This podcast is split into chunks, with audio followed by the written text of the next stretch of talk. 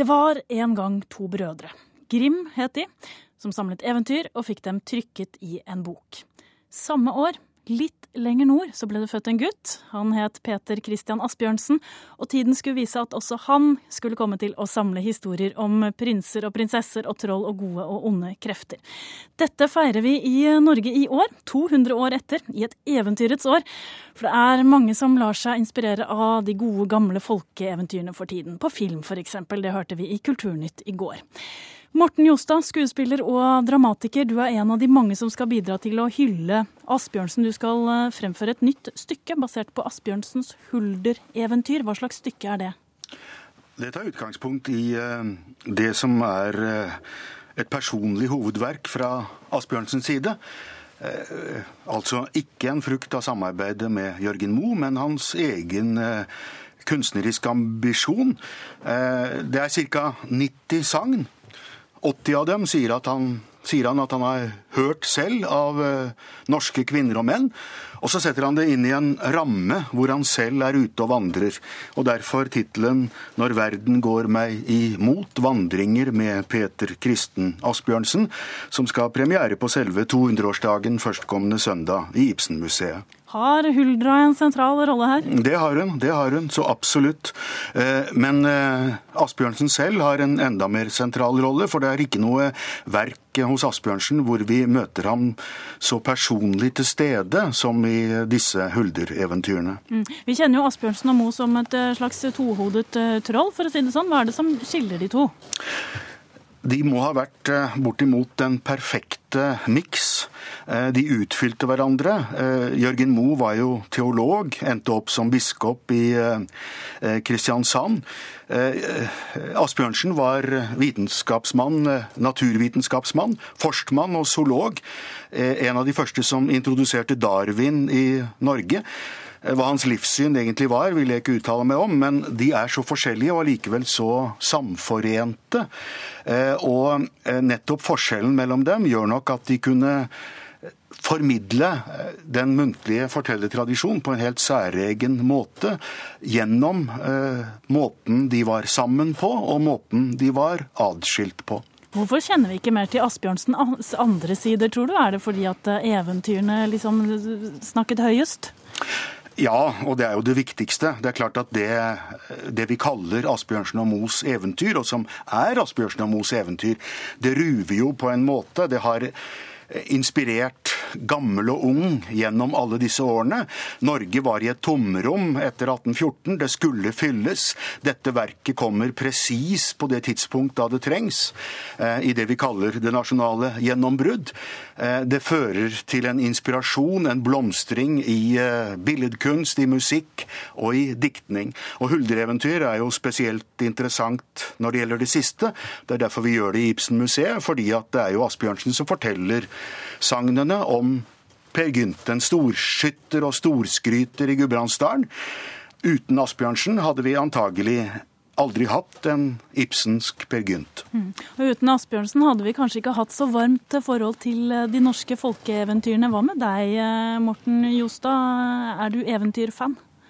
Ja, jeg er ikke bare fan, men jeg er bruker og og, og ja, jeg suger all kraft uh, ut av dem, og har gjort det uh, så lenge jeg har uh, vært voksen, oppegående. Det begynte med eventyrene. Jeg mener jo at eventyrene er vårt Eh, nasjonale teater. Vi har ingen lang teatertradisjon i Norge. Eh, kortere eh, og mer skrinn enn de fleste andre nasjoner. Men vi har alltid hatt fortellingene. Det har alle nasjoner hatt. Men vi er så heldige at vi har spesielt gode samlinger pga. disse to, som vi nå skal feire jubileer for. Asbjørnsen i år og Jørgen Moe i 2013. Og det gjør at eh, vi kan gå mer direkte til kildene. Jeg mener at de gamle fortellerne må ha vært eh, gode skuespillere. En god forteller må ha vært et lite enmannsteater i seg selv. Det er den samme teknikken som Dario Fo bruker i sine enmannsforestillinger, og som han fikk nobelprisen for. Når vi forteller Askeladden som kappåt med trollet, så må vi være både Askeladden og trollet. Vi må være litt av begge to, og slik oppstår eh, enmannsteatret helt naturlig, og det er en vidunderlig form, fordi at den overlater det meste av skapende virksomhet til tilhøreren og til tilskueren. Mm. nå er det en hel del eh, foreldre som sitter og hører på, Morten Jostad. Kan du som skuespiller gi noen tips når man skal fortelle eventyrene til sine barn, og gi en viss innlevelse i det hele?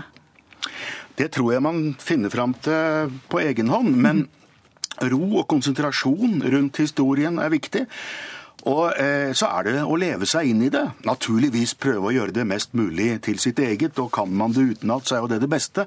Men selv når en sitter med boka i hendene, så skjer jo dette at, eh, at en blir et troll.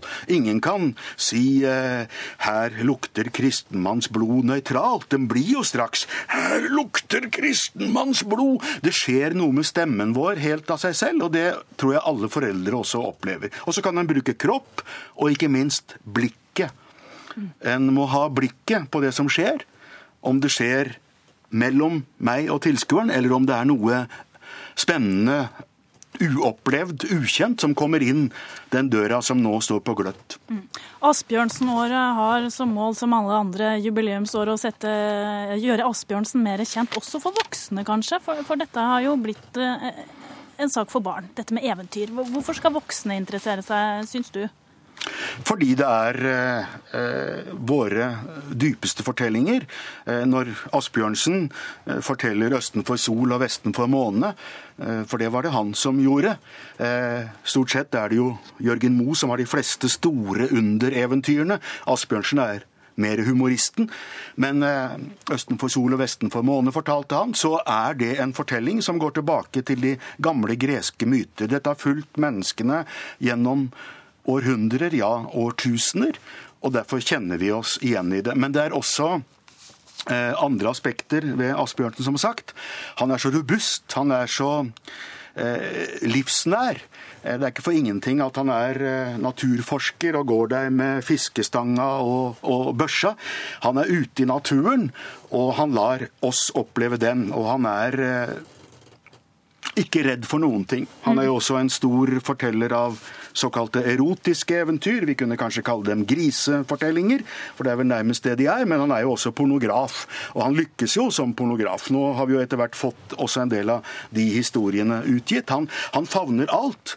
Eh, og så vil jeg nevne at eh, Et viktig aspekt med Asbjørnsen er jo at han er så til de grader knyttet til hovedstaden. Eh, jeg er veldig overrasket og skuffet over at Norge ikke gjør dette til en stor hendelse, og heller ikke Oslo. Eh, det er en slags nasjonalskandale det vi opplever, at dette jubileet er litt gjemt bort. Det er greit å ha han på 50-lappen, der er han. Men å lage et stort jubileum, hvorfor er han ikke nå i alle skoler? Hvorfor er han ikke på alle biblioteker i disse dagene? Han vokste opp i Oslo. Uh, og Der er han født i Dronningens gate, og han levde hele sitt liv i hovedstaden. Og ingen har fortalt om hovedstaden sånn som han, den gangen, den var en mindre by enn lille Lillehammer, hvor jeg sitter og snakker fra nå. Mm.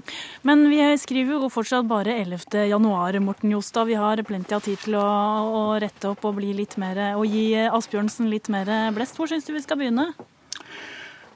Ja, vi skal jo først og fremst begynne med å eh, ta fram Asbjørnsen og Moes eh, eventyrsamling igjen, og, og glede oss over den. Eh, og så syns jeg at vi skal ha et eh, nytt blikk på humoristen Asbjørnsen eh, i skjemtefortellingene, i skjemtehistoriene, hvor han setter tingene på hodet. lar Berømmelig er jo presten og klokkeren. Eh, presten som er eh, skrytete og selvopptatt, han dratter ned, og, og, og, klokkeren kommer opp og blir prest. Det er et håp om at samfunnet kan forandres, og at de som tar seg selv litt for høytidelig, kan eh, skubbes litt utfor bakken, og at eh, de som man ikke har sett, kan løftes opp. Det er veldig viktig hos Asbjørnsen. Takk skal du ha for din inspirasjon til å sette seg nærmere inn i eh, en av våre aller kjæreste forfattere, eller folkehistoriesamlere, Morten Jostad.